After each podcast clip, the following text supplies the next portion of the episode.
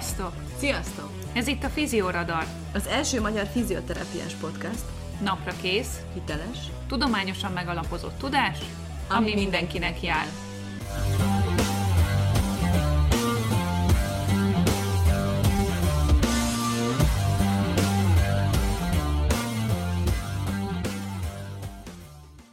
Műsorban elhangzottak nem minősülnek egészségügyi tanácsadásnak, sem egészségügyi oktatásnak vagy képzésnek, és nem helyettesítik azt. Minden információ tájékoztató jellegű és a figyelem felkeltését szolgálja. Sziasztok! Újra itt van a Fizioradar, ebben az adásban is szeretettel köszöntök minden kedves hallgatót, Edina vagyok, a Fizioradar egyik műsorvezetője, és mint mindig itt van velem ma is műsorvezető társam, Kati. Szia Kati, hogy vagy? Szia Edina, sziasztok, üdvözlöm a hallgatókat. Most már egyre jobban, hogy elkezdett kisütni a nap, és hát annak is nagyon örülök, hogy folytathatjuk az előző témánkat, a porckorongot. Ugyanis a múltkori adásban elmondtuk, hogy milyen a porckorong anatómiai felépítése, ugye, hogy adaptációra képes, illetve, hogy nem mindegy, hogy hogyan modellezzük le. Nem javasolta túl egyszerű porckorong modellek használata, tekintve, hogy az egész porckorong a csikolyához való kapcsolódása és a szerkezete korán sem egyszerű. Mind az adaptációról, mind pedig a degenerációról megfelelő információval kell rendelkeznünk ahhoz, hogy felelős döntéseket tudjunk hozni a terápiás praxisunkban. Az előző adásban, ahogy Edina már mondta, főleg az adaptációról volt szó, úgyhogy most nézzük meg egy kicsit bővebben a degenerációs folyamatokat. A porckorong degenerációról, hogyha beszélünk, először is beszélhettünk a nucleus pulposus degenerációjáról. Ez azt jelenti, hogy a degeneráció során ennek a folyadék tartalma csökken, kialakulhat úgynevezett vákumfenomén. A vákumfenomén azt jelenti, hogy a porckorongban nitrogén gyűlik össze, ez már egy végsőbb stádiuma ugye a nucleus degenerációnak, és a szegmentális instabilitással is gyakran összefüggésbe hozzák. MR képen amikor nitrogén felgyülemlés van, és ez a vákum jelenség megjelenik, akkor egy jel szegény, sötét rész látszik a porckorong belsejében. Találkozhatunk ilyen leírással. Előfordulhat olyan is, hogyha a porckorongban folyadékfelhalmozódás történik. Ez összefog, összefüggésbe hozható a vákumfenoménnal is. A MODIK 1-es típusú csontelváltozással, illetve a súlyos zárólemez abnormalitásokkal. Valamint a nukleus degeneráció folyamatában előfordulhat porckorongon belüli kalcifikáció, tehát messzesedés is. A nucleus pulposus degenerációja során a porckorongon belüli nyomás az ugye csökken, emiatt a terhelés, a mechanikai terhelés az annulus fibrózusra tevődik át. Ennek következtében annak a struktúrája elkezd megváltozni, ugyanis nem ez volna a fő szerepe, de kénytelen ehhez alkalmazkodni, ezért fibrózusabbá, keményebbé válik, ezért nagyobb eséllyel következnek be rajta repedések, képződhetnek kisebb üregek, terhelés hatására fisszúrák alakulhatnak ki rajta, tehát a strukturális integritása meggyengül. Ez nem visszafordítható folyamat, a fel, felnőtt porckorong gyógyulási képessége korlátozott. Hogyha az emelleletnél maradunk még egy kicsit, akkor ugye mit olvashatunk rajta a porckorongot tekintve, protrúziót, herniát. Nézzük meg, hogy ezek alatt most pontosan mit értünk. Léteznek olyan széles alapú protrúziók, amik igazából széles alapú kitüremkedések, ezek előfordulhatnak egy amúgy egészséges, megtartott folyadéktartalmú porckorong esetén is, ilyenkor megtartott a porckorong magassága is. Ez nagyon gyakran látható panaszmentes egyénekben is. Ha dehidráltabb porckorongnál látjuk ezt a széles alapú, az egész porckorongot érintő kitüremkedést, akkor már a porckorong magassága is csökken. Porckorong kitüremkedés, mint protrúzió, ez lehet lokalizált. Tipikusan, ha egy protrúzióról beszélünk, az egy lokalizált, nem az egész porckorongot érinti, csak egy részén ö, látható, és nincsen, vagy csak minimális annulus fibrózus szakadással, sérüléssel jár együtt. A porckorong protrúzió definíciójához hozzá tartozik, hogy a mérete az nagyobb, mint a porckorong körfogatának a 25%-a. Magyarországon inkább herniaként használjuk a sérvet, angolul ezt inkább az extrúzió, vagy extrúzióként találkozhatunk vele. Itt arról van szó, hogy anatómiailag a porckorong anyagának az elmozdulása az egy komplett, teljes vastagságú anulus szakadással jár együtt. Tehát egy olyan kiboltosulásról teljesen átszakadt az anulus. A ligamentum longitudinale posterior itt gyakran épp marad, de akár át is szakadhat. Hogyha pedig kizáródott sérvről beszélünk, ha angolul olvastuk, akkor inkább szekvesztráció szóval találjátok meg, pedig már gyakran átszakad a ligamentum longitudinale posterior, és ugye ez a kiszakadt fragmentum vagy darab, az ugye kikerül a porckorongból. Hogyha a porckorong degenerációról beszélünk, akkor mindenképp meg kell említenünk a véglemez degenerációját is, ugye a porcos véglemez. Ennek a sérülései azok kulcsfontosságú jelei a degeneratív változásoknak. Hat fokozatban határozzák meg a véglemez degenerációját. Az első három fokú elváltozások azok a normál öregedéshez hozzá tartoznak, hogyha legfőjebb egy pici fokális defektus van, az még teljesen belefér és normálisnak tekinthető, hogyha a véglemez kontúrja megtartott. A 4-es, 5-ös, 6-os fokú véglemez degenerációk, azok már az úgynevezett modik elváltozásokkal együtt járnak. Ezek a 25%-os defektustól a teljes véglemez destrukcióig terjednek, attól függően, hogy 4-es, 5-ös vagy 6-os stádiumról beszélünk. A véglemez ugye a csigolyatesthez tartozik, és még ide tartoznak ugye a porckoronkhoz és a véglemezhez a közvetlen mellette levő csigolyatestnek a csontvelő elváltozásai, ezek a degeneratív csontvelő elváltozások, ezeket nevezzük modik elváltozásoknak. Ugye három stádiuma van, az egyes, a kettes és a hármas. Hogyha az MR leleten esetleg azt olvassátok, hogy modik egyes, kettes vagy hármas fokú elváltozás, akkor tudnunk kell, hogy ott a porckorong szomszédságában a csontvelő érintett. Fú, hát most aztán mindent megtudtunk a porckorok degenerációjáról. Az adaptáció és a degeneráció között úgy tűnik, hogy a határ az nagyon-nagyon vékony, mert azt látjuk az előző podcastból is, ahogy beszéltünk arról, hogy milyen adaptációs folyamatok zajlanak le, és igazából ezek nagyon sokszor degeneratív folyamatként vannak leírva, pedig igazából nem jár semmilyen panasszal az adott illetőnél ez az elváltozás, és ez az, amit igazából a mai podcastban is látni fogunk, úgyhogy spoiler, bocsánat, viszont Viszont tényleg el kell azon gondolkodnunk, hogy az, ha adaptációról beszélünk, vagy degenerációról beszélünk, ebben mi igazából hogyan tudunk beleszólni? Van-e olyan, amit tenni tudunk azért, hogy esetlegesen ne degeneratív folyamat alakuljon ki a porckorongunkban, vagy ehhez igazából mi nem is tudunk hozzátenni.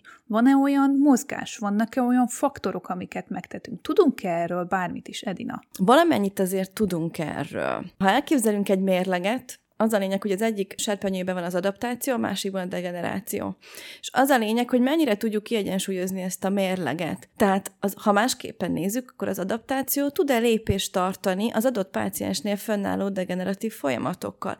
Ez mind függ az életkortól, az aktivitástól, a terheléstől, a dohányzástól, és nem utolsó sorban a nutríciótól, tehát mind az egész egyén nutríciójától, mind pedig ugye a porckorongnak a nutríciójától. Ez az egész egy nagyon dinamikus történet. Nyilván itt azért tájékoztatnunk kell a pácienst, mert bejön egy csomó életmódbeli történet is ebbe, tehát fontos, hogy ezt tudjuk. Az sem mindegy, hogy milyen életkorról beszélünk. Minden szervrendszernek az emberi testben, a porckorongnak is van egy konkrét fejlődési ideje, és mint minden más szervünk esetén is van egy kritikus időszak, amikor a terhelésnek és egyéb tényezőknek nagyobb szerepe van a fejlődésében. Úgy néz ki, hogy ez az időszak a késő 20-as évek az életkorban. Tehát hogyha az adaptáció felől közelítjük, akkor az a legjobb, hogyha a 20-as, 30-as évekig a páciens elkezd valamilyen olyan rendszeres fizikai aktivitást csinálni, amiről mindjárt kifejtjük részletesen. Ma már tudjuk, hogy előnyös a porckorong szempontjából. Ezek nagyon érdekes információk, még inkább megerősítik azt, hogy nekünk gyógytornászoknak a prevencióban is mennyire fontos szerepünk van, vagy igazából, ha átfordítom ezt, a prevencióban van igazán fontos szerepünk, tehát a mozgásnak a promotálásában, hogy fiatalkorban minél hamarabb, minél előbb kezdje el terhelni magát a gyerkőc, és így tudja igazából megelőzni azt, vagy hát a legjobb esélyt, a legjobb lehetőséget megteremteni saját magának arra, hogy a porckorong degenerációkat el tudja kerülni. Most nézzünk meg pár cikket, Edina nagyon készült, úgyhogy szuper izgalmas lesz. Egy csomó olyan szakirodalmat irodalmat hoztunk nektek, amiben a különböző terheléseket nézzük meg, főleg a futásról lesz a mai alkalommal szó, mert úgy tűnik, hogy amit eddig gondoltunk a futásról, hogy porckorong problémákat tud okozni, vagy hogy akinek porckorong degenerációja van, önálló káros a futás, és egyáltalán nem ajánlott, ez úgy tűnik, hogy a szakirodalom által nagyon nincsen alátámasztva. Sőt, inkább az ellenkezője. Úgyhogy nézzük is meg az első cikket.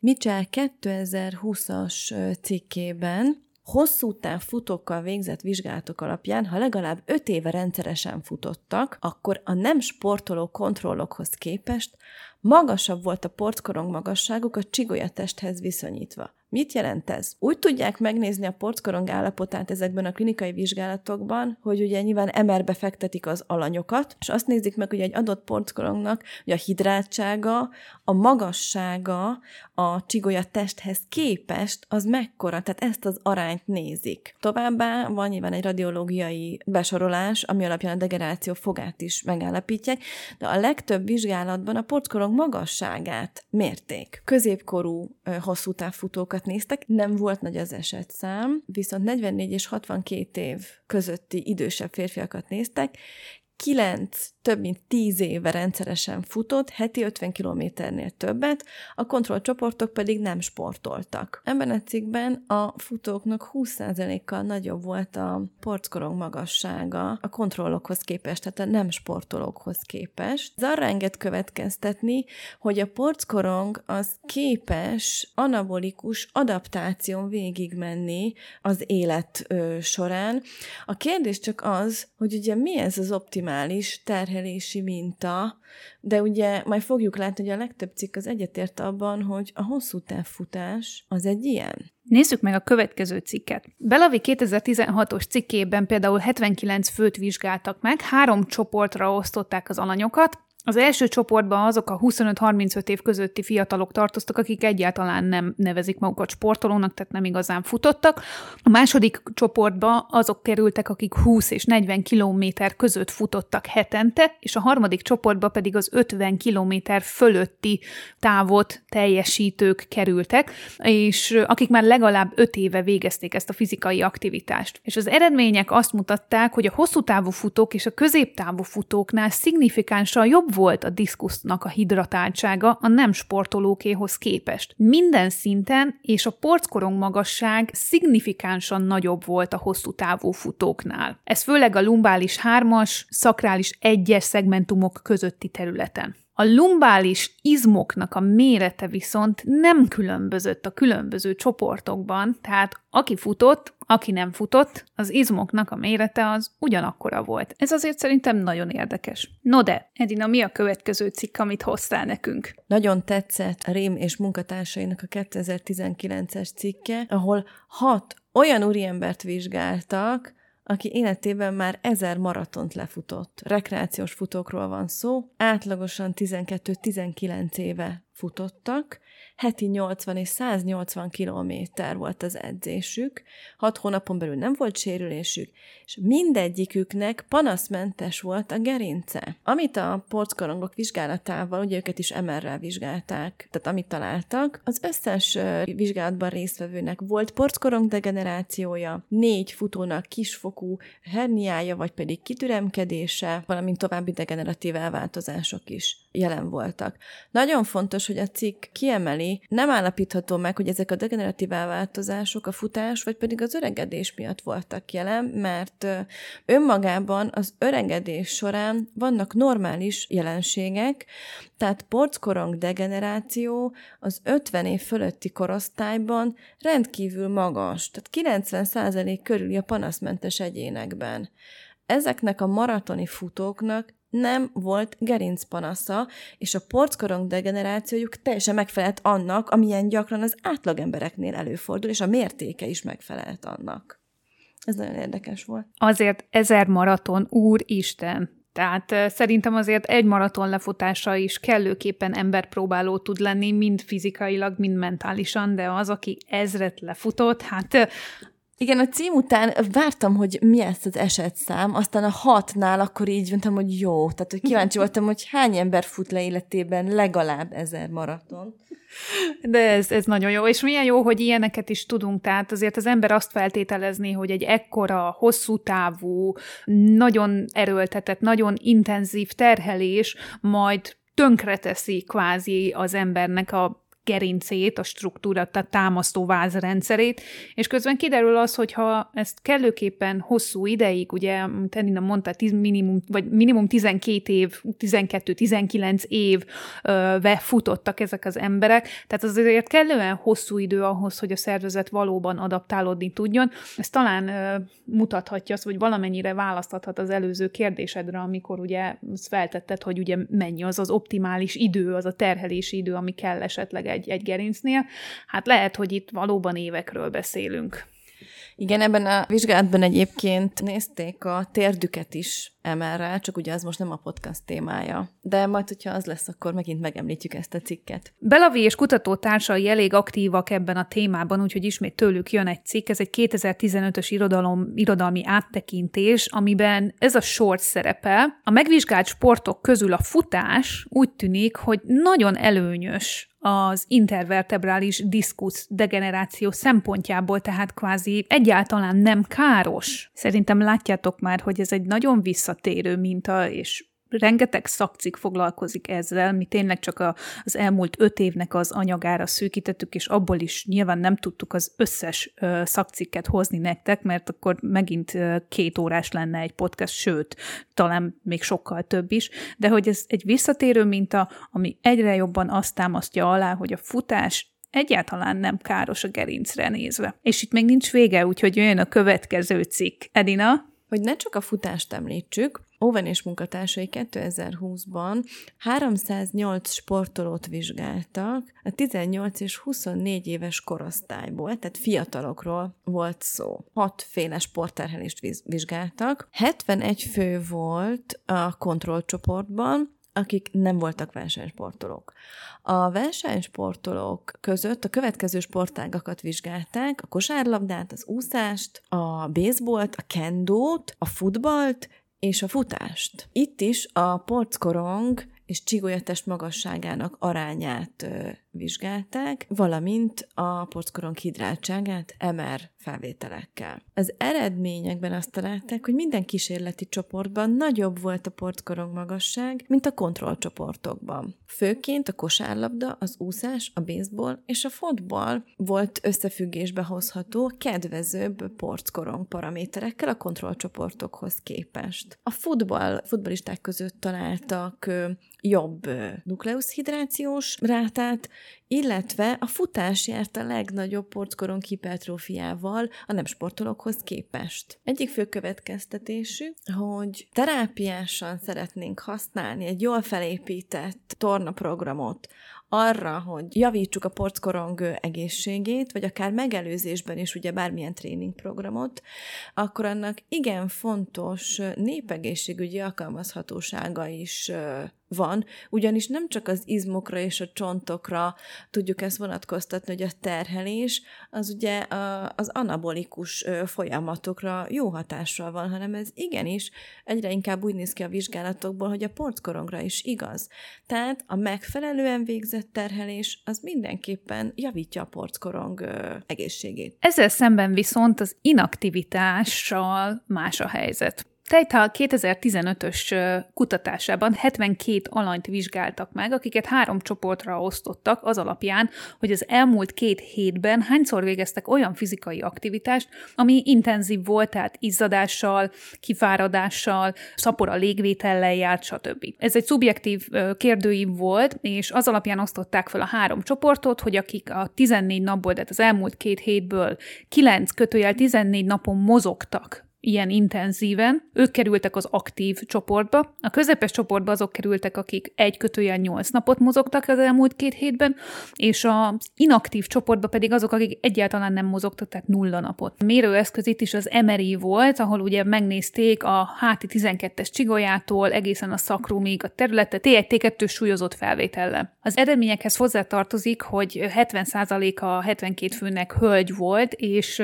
a túlsúlyos kategóriába tartozik a BM BMI alapján. 21%-uk inaktív volt, 53%-uk közepesen aktív, és 26%-uk nagyon aktív, tehát itt azért a statisztikában van egy pici eltérés. Ettől függetlenül a BMI eloszlás az nagyon hasonló volt mind a három csoportnál, és ami nagyon érdekes az az, hogy az átlagos intervertebrális diszkusz magasság a lumbosakrális régióban annál szűkebb volt, minél inaktívabb volt az illető. Ugyanígy a magas zsír arány, ami a multifiduszokban megjelenik, sokkal gyakoribb volt az inaktív embereknél, mint a közepesen aktív vagy aktív embereknél. A krónikus fájdalom foka, mert hogy ezt is mérték, az inaktív embereknél volt a legnagyobb.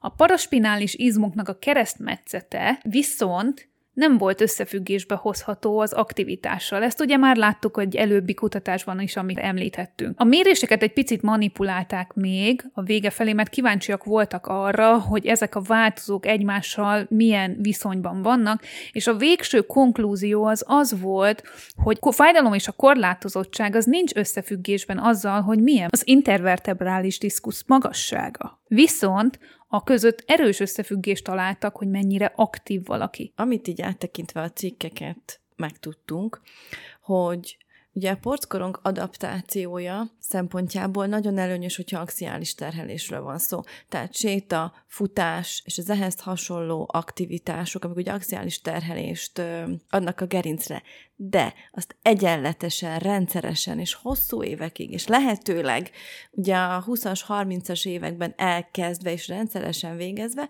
azok jótékony hatásúak. A porckorong jó irányú adaptációjához vezetnek, és hogyha az életkor előre haladtával el is indul egy degeneratív folyamat, azért nem mindegy, hogy milyen állapotú porckorongból indul meg ez a degeneratív folyamat, tehát ez előnyös. Ami még fontos, nyilván a porckorong nutríciója szempontjából, hogy mindenképp dinamikus mozgás mozgásról legyen szó, mert azt mondtuk az előző részben, hogy ugye a porckorong a mozgás során a véglemez felől, illetve a külső anulusból kapja a tápanyagellátását, hogyha nincs mozgás, akkor egyszerűen nincs meg az a megfelelő tápanyagellátás. Tehát fontos, hogy dinamikus mozgás legyen, kerüljük a, a mozgásszegény statikus állapotokat. Hogyha a pácienseknek adunk tanácsot, ezt mindenképpen figyelembe kell venni. Az is számít, hogy mennyi időt tölt egy adott ember egy adott sport terhelésben. Tehát ez alatt értjük például, hogy hány éve vesz részt az adott sportban. Fontos, hogy milyen szinten. Tehát ha elit sportolóról van szó, akkor más a szituáció, mint egy rekreációs sportoló sportolónál, és az is számít, hogy hetente hány órát tölt el az adott sportban vagy fizikai aktivitásban az illető, ez mind-mind befolyásolja, amellett ugye, hogy milyen sport terhel és milyen típusú az a mozgás, ami hat rá, hogy hogyan is fog reagálni a gerince és a porckorongjai az adott terhelésre. Azt is kiemeli Belevi az összefoglaló cikkében, hogy a dinamikus terhelés az mindenképpen pozitív adaptációt válthat ki a porckorongból, és akkor nem mindegy, hogy mekkora az erő, a frekvencia és az időtartam, mert ezek fontos szerepet játszanak ebben. Tehát mi az, ami nem derült ki ezekből a cikkekből? Az biztosan nem derült ki ezekből a cikkekből, hogy a fájdalomnak és a porckorong közti résnek egymáshoz szoros köze lenne. Mi nem derült ki ezekből a cikkekből továbbá? Az, hogy a futás az káros lenne. Szintén az sem derült ki ezekből a cikkekből, hogy ha valaki inaktív, akkor az izom keresztmetszete kisebb lenne. Tehát ezek azért nagyon érdekes megfigyelések. Amik viszont kiderültek, az az, hogy az izom hasznosulása, tehát hogy mennyire hasznos az az izom terület, tehát hogy ugye most ott van, zsír van, nem pedig izom, az összefüggésben van azzal, hogy valaki inaktív például. Az is kiderült, hogyha valaki inaktív és nem mozog, ez összefüggésben van az intervertebrális diszkusz válaszok magasságával. És itt felhívnám egy picit a figyelmet arra, hogy itt a paraspinális izmok átmérőjéről volt ugye szó két cikkben is, amit említettünk, nem pedig a paraspinális izmok erejéről. Tehát magát a keresztmetszetet nézték, amiből nem hoztak le semmilyen következtetést arra vonatkozóan, hogy ez mennyire erős vagy nem erős. Vannak olyan összefüggések, amik számunkra fontosak, de nem feltétlenül azt az üzenetet közvetítik, mint amit mi eddig gondoltunk. Legalábbis Nekem ez egy pontos üzenete ezeknek a cikkeknek. Igen, nem tudom, ti hogy vagytok vele, nekem több olyan páciensem volt, hogy XYZ szakember azt mondta, hogy attól, hogy fáj a dereka, vagy esetleg egy emeren portkorong elváltozás volt látható, soha többé nem futhat. Ez sehol nincs megalapozva semmilyen szakirodalomban jelenleg, ugye az elmúlt öt évet tekintettük át direkt a legfrissebb cikkeket, nincs erre bizonyíték. Nagyon fontos, hogy ezt kommunikáljuk a páciensek felé, mert a futás és az axiális terhelés, lehet, hogy valaki idősebb és nordic walkingozik, tempós sétál, versenygyalogol, tehát bármi, ami ehhez hasonló ö, sporttevékenység, az egyáltalán nem káros. Ha már így beszélgetünk itt a vizsgálatok kapcsán a portkorong degenerációra, meg a portkorong magasságokról, akkor mindenképpen szeretnénk felhívni a figyelmet egyrészt egy nagyon sokszor idéz, egy külföldön nagyon sokszor idézett cikkre, de egy másikra is, ami ugyanezeket az eredményeket hozta ki. Ringjik és munkatársai a gyakori degeneratív elváltozásokat vizsgálták életkori megoszlás szerint panaszmentes egyének esetén. 33 cikket dolgoztak fel, összesen 3110 fő anyagát vizsgálták, tehát 3110 fő volt szó. Teljesen panaszmentes egyének voltak, a legtöbbjének véletlenül derült ki, mást vizsgáltak képalkotóval, és véletlenül derült ki, hogy van egy ilyen elváltozás a gerincén, és ezt életkori megoszlás szerint, illetve a degeneráció formái szerint táblázatba foglalták ennek a megoszlását. Az eredmény és a konklúzió az, hogy a gerinc degeneratív elváltozásai azok igen gyakoriak tünetmentes egyéneknél, és az életkor előre haladtával nőnek. Sok képalkotón talált elváltozás valószínűleg a normál öregedés része, és nem társul fájdalomhoz. Tehát, hogyha a képalkotón találunk is, vagy találnak ugye a radiológusok ilyen elváltozásokat, akkor azt óvatosan kell kommunikálni a páciens fel, és mindenképpen a páciens klinikai állapotának a kontextusában szabad csak értelmezni. Kiragadok egy példát, fönt lesz a hivatkozásaink között, bárki megnézheti, tehát megvan ez a táblázat. Például porckorong degeneráció az 50 éves korosztályban 80%-os gyakorisággal fordul elő azoknál, akiknek nincs panasza. Porckorong kitüremkedés, széles alapú porckorong kitüremkedés a 30 évesek körében 40 százalékban fordul elő. Rendkívül hasonló eredményeket talált Teraguchi a munkatársaival együtt 2014-ben Japánban végezték a vizsgálatot, ebben 975 fő vett részt, mindenkit megemereztek. Az eredmények és a következtetés az eléggé egybecseng az előzőleg említett vizsgálattal, ugyanis a porckorong degeneráció előfordulási gyakorisága százalékban az 50 és 60 éves korosztályban az ágyéki szakaszon az 86 és 90 százalék közötti volt. Továbbá az eredményeik alapján, ami egyértelműen szignifikánsan összefüggött a porckorong degenerációban mind a három gerinc szakaszon, az csak az életkor és az elhízás volt. És azt gondolom, hogy ez egy plusz nagyon fontos üzenetet is közvetít, hogyha egy kutatás reprodukálható, az ugye hozzáad az erősségéhez, és itt most ugye pont azt láttuk, hogy Japánban is végezték ezt a kutatást, vagy egy nagyon hasonlót, és körülbelül ugyanazokra az eredményekre jutottak, úgyhogy ez számunkra egy erős evidencia. De most egy picit tovább megyünk, mert az is egy nagyon érdekes dolog, amikor egy kutató folyamatosan a megfelelő kutatási állítást teszi fel magának, ami pedig igazából az, hogy nekem biztosan nincsen igazam. Bridging G 2015-ös kutatása, amit előbb Edina említett, ennek van egy következő folytatásra, amit viszont nagyon kevesen szoktak kiemelni, még nemzetközi szintéren is, az pont az, hogy a, gerinc, a degeneratív gerinc elváltozások gyakorisága azért mégiscsak nagyobb arányban van azoknál, akik fájdalommal élnek, mint azok, akik fájdalommentesen 50 éves és annál fiatalabbak körében. Tehát valahol itt az 50 év környékén, 50 év felett van egy ilyen, egy ilyen átfordulás, ami felett már ez inkább tényleg az életkorral, vagy ahogy Edina előbb említette, a testsúlya függ össze. 14 cikket vizsgált, vizsgált meg ez a kutatócsoport, ahol 3097 egyénnek az adatait összegezték, és ebből elmondható az, az, hogy az Emerin látott diszkusz bulge, tehát ez a, ez a körkörös kitüremkedés, degeneráció, az extrusionok, a protrúziók, a modik egyes elváltozások és a spondylolízis az, ami összefüggésbe hozható a derékfájdalommal. Viszont itt megint visszautalnánk azokra az adásokra, amikben már számtalanszor elmondtuk azt, hogy az emeri az egy információ. Az egy adott pillanatban készül a páciens belső állapotáról, de az, hogy mi van a páciensben, ő mit gondol a fájdalmáról, ő hogyan éli meg, milyen faktorok befolyásolják, stb. ezek nagyon-nagyon sokat nyomnak alatba, és emellett nem mehetünk el. Természetesen itt nem arról az esetről van szó, amikor valahogy hozzánk keveredik a páciens hatalmas sérvel, idegi tünetekkel, tehát amikor egyértelmű, hogy a porckorong probléma okozza a tüneteit, nem erről van szó, jó? Tehát nem amikor egyértelmű red állnak fent, vagy amikor egyértelmű, hogy mondjuk egy műtéti kezelésre kell tovább küldenünk, és akkor várjuk vissza szeretettel műtét utáni posztop rehabilitációra.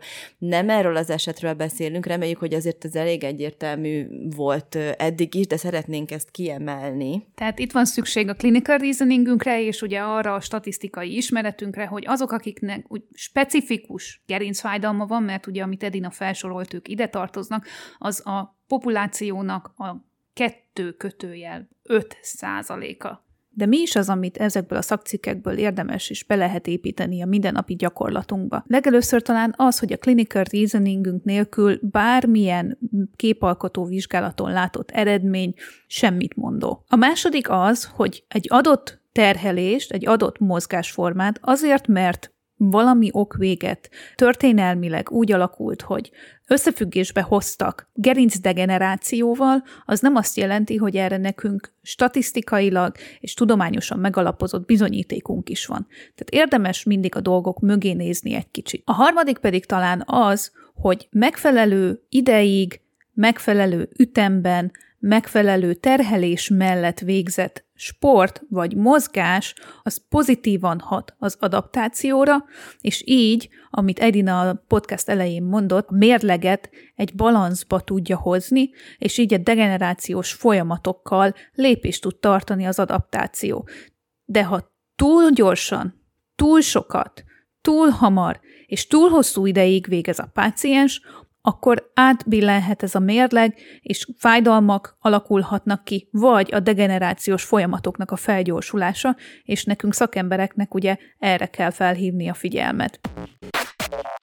Tehát összefoglalásként szeretnék ö, még egyszer elmondani a kulcsüzeneteket. Az első, a porckorong degeneráció az leggyakrabban egy normál folyamat, amely az életkor előre haladtával nagyon gyakori tünetmentes egyénekben is. Második, hogy a porckorong elváltozások csak bizonyos esetekben korrelálnak nagyobb mértékben a derékfájdalommal. Harmadik kulcsüzenet, nincs arra evidencia jelenleg, hogy a futás, illetve az axiális terhelés az negatívan befolyásolná a porckorong tulajdonságait, vagy hogy aki korábban futott, az ne folytathatná az adott aktivitását, sporttevékenységét sportkorong probléma esetén is.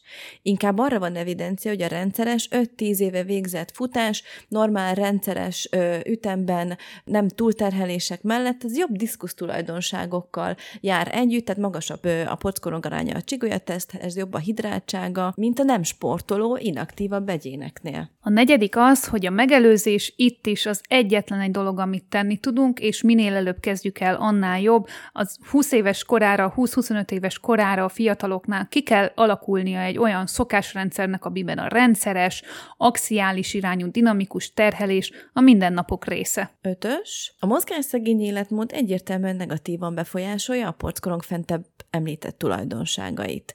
A fő üzenetünk mind a kollégák, mind pedig a páciensek felé, hogy jelenleg nincs tudományos bizonyíték arra, hogy akinek van igazolt porckorong problémája, az ne futhatna, vagy ne terhelhetné magát nyilván a normál keretek között. Hát most, hogy ezt is kiveséztük, nyargalhatunk tovább a következő témánkra, ami meglepetés. Következő adásunkban újdonsággal készülünk, vagy legalábbis itt ebben a műsorban újdonság lesz, és reméljük, hogy nagyon-nagyon fog tetszeni nektek is. Addig is vigyázzatok magatokra, minden jót! Várjuk a kérdéseiteket, kövessetek minket Instagram és Facebook oldalunkon, és persze vigyázzatok magatokra! Sziasztok!